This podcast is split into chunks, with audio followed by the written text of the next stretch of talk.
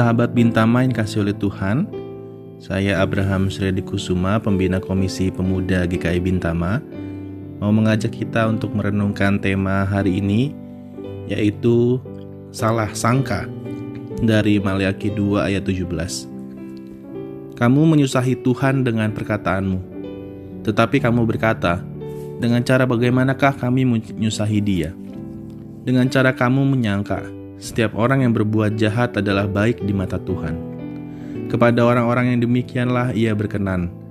Atau jika tidak, di manakah Allah yang menghukum? Pada suatu hari, seorang pemilik perusahaan melakukan inspeksi mendadak di kantornya. Ia kemudian merasa senang. Para karyawannya bekerja keras. Namun perasaan itu tiba-tiba berubah. Ia melihat seorang pemuda duduk bersantai di pojok ruangan. Ia menghampiri pemuda itu dan bertanya, Berapa gaji kamu seminggu? Pria itu menjawab, 500 ribu pak.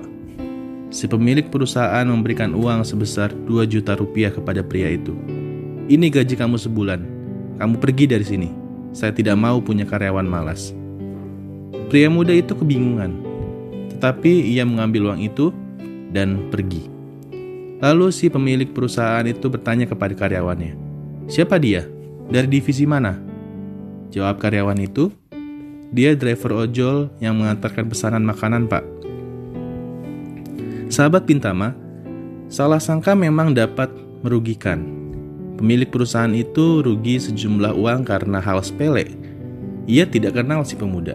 Bahkan ia tidak mau bertanya dulu tentang siapa si pemuda itu. Namun bagaimana jika kita salah sangka kepada Tuhan? Apa yang akan terjadi pada kita?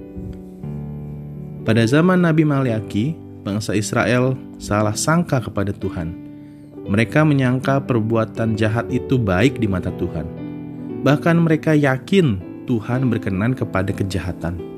Ia tidak akan menghukum bangsa Israel, tidak akan menghukum para penjahat itu. Padahal bangsa Israel baru saja kembali ke Yerusalem dari pembuangan di Babel mereka seolah-olah lupa bahwa peristiwa pembuangan itu adalah hukuman Tuhan atas kejahatan mereka. Oleh karena itu, Nabi Malyaki menegaskan bahwa Tuhan akan menghukum kejahatan mereka. Sahabat Bintama, salah sangka kepada Tuhan itu sungguh berbahaya.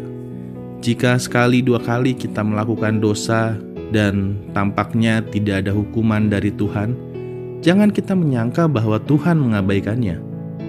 Janganlah kita memanfaatkan kasih dan kesabaran Tuhan sebagai kesempatan untuk berbuat dosa. Ah, gak apa-apa, nanti saya tinggal minta ampun sama Tuhan. Jika Tuhan masih mendiamkan tindakan dosa kita, maka kita harus menganggap sikap Tuhan itu sebagai kesempatan untuk bertobat. Kiranya Tuhan memberkati aktivitas kita hari ini.